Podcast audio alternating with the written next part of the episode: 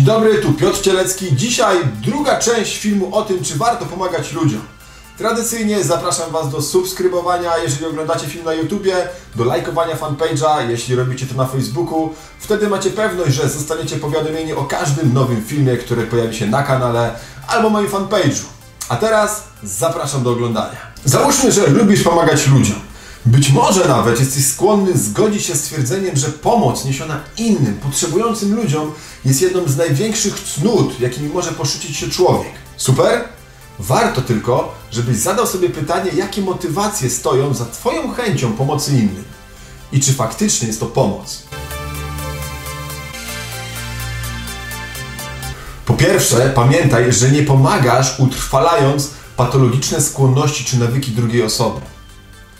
Więc zadaj sobie pytanie, czy na przykład, jeżeli masz taką ofiarę w swoim związku, to czy aby nie tworzysz jej delikatnej, łagodnej i mięciutkiej poduchy, na której zawsze może ona wylądować, niezależnie od tego, jak bardzo przestała panować nad swoimi nałogami, jak bardzo przestała panować nad swoją agresją, jak bardzo zatraciła się w tym, co robi w niewłaściwy sposób. Ciągłe wybaczanie i przymykanie oka to nie jest pomaganie.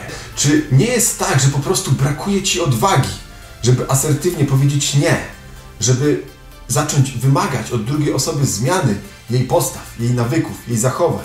Czy nie jest tak, że boisz się odejść z tego związku, tylko wolisz w nim trwać, mimo tego, że już dawno przestał przynosić Ci satysfakcję? I mówiąc związku, mam tu zarówno na myśli związki w sensie stricte, czyli Twoje relacje w rodzinie, ale również w swojej pracy, w Twoim otoczeniu, wśród Twoich znajomych, przyjaciół i kolegów. Zapytaj samego siebie, czy nie jest czasem tak, że poświęciłeś się misji, która jest z góry skazana na niepowodzenie i wmówiłeś sobie, że z jakiegoś powodu cię to uszlachetnia. Zwłaszcza dlatego, że skoro oglądasz ten film, jest ogromne prawdopodobieństwo, że jesteś Polakiem.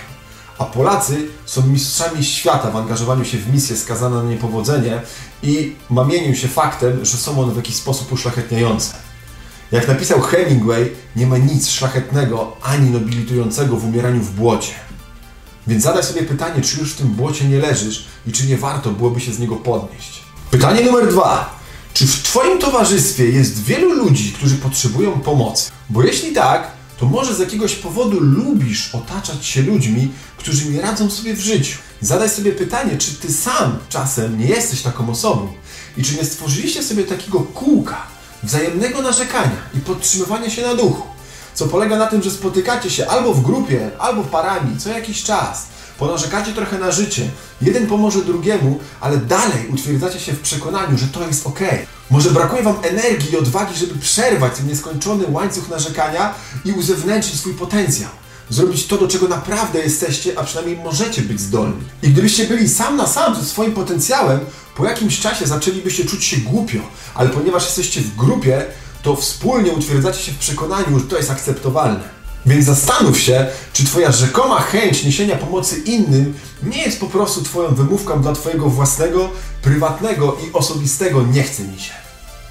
I wreszcie, po trzecie, odpowiedz sobie samemu w głębi swojego serducha, zupełnie szczerze, czy nie jest tak, że lubisz niby to pomagać innym ludziom, dlatego że czujesz się lepiej w towarzystwie osób, które radzą sobie w życiu gorzej niż Ty. Czy nie jest czasem tak, że Twoje co weekendowe wybryki alkoholowe bledną w konfrontacji z Twoim przyjacielem, który jest deklarowanym alkoholikiem, któremu nauk zaczyna wymykać się spod kontroli? Czy fakt, że Twoje dziecko niezbyt dobrze radzi sobie w szkole, blednie w obliczu problemów, które Twoja koleżanka ma ze swoim dzieciakiem, który właśnie zaczął sięgać po dopalacze albo narkotyki?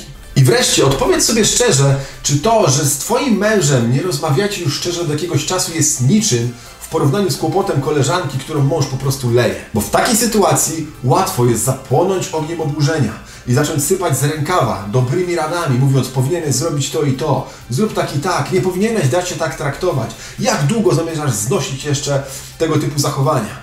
I to wszystko mogą być działania fasadowe, bo pogadacie o tej sytuacji, a potem pójdziecie do domu z poczuciem, że świetnie się zrozumieliście i absolutnie nic się nie zmieni.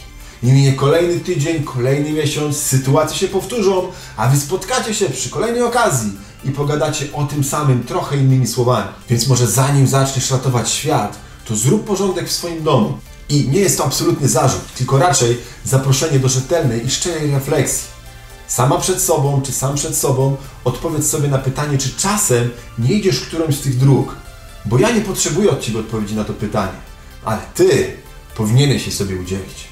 Dla własnej higieny psychicznej, spełnienia i większej ilości szczęścia, które możesz zaprosić do swojego życia, jeżeli stworzysz dla niego odpowiednie warunki. Czego serdecznie Ci życzę i zapraszam do subskrybowania, lajkowania i oglądania kolejnych odcinków. Do zobaczenia.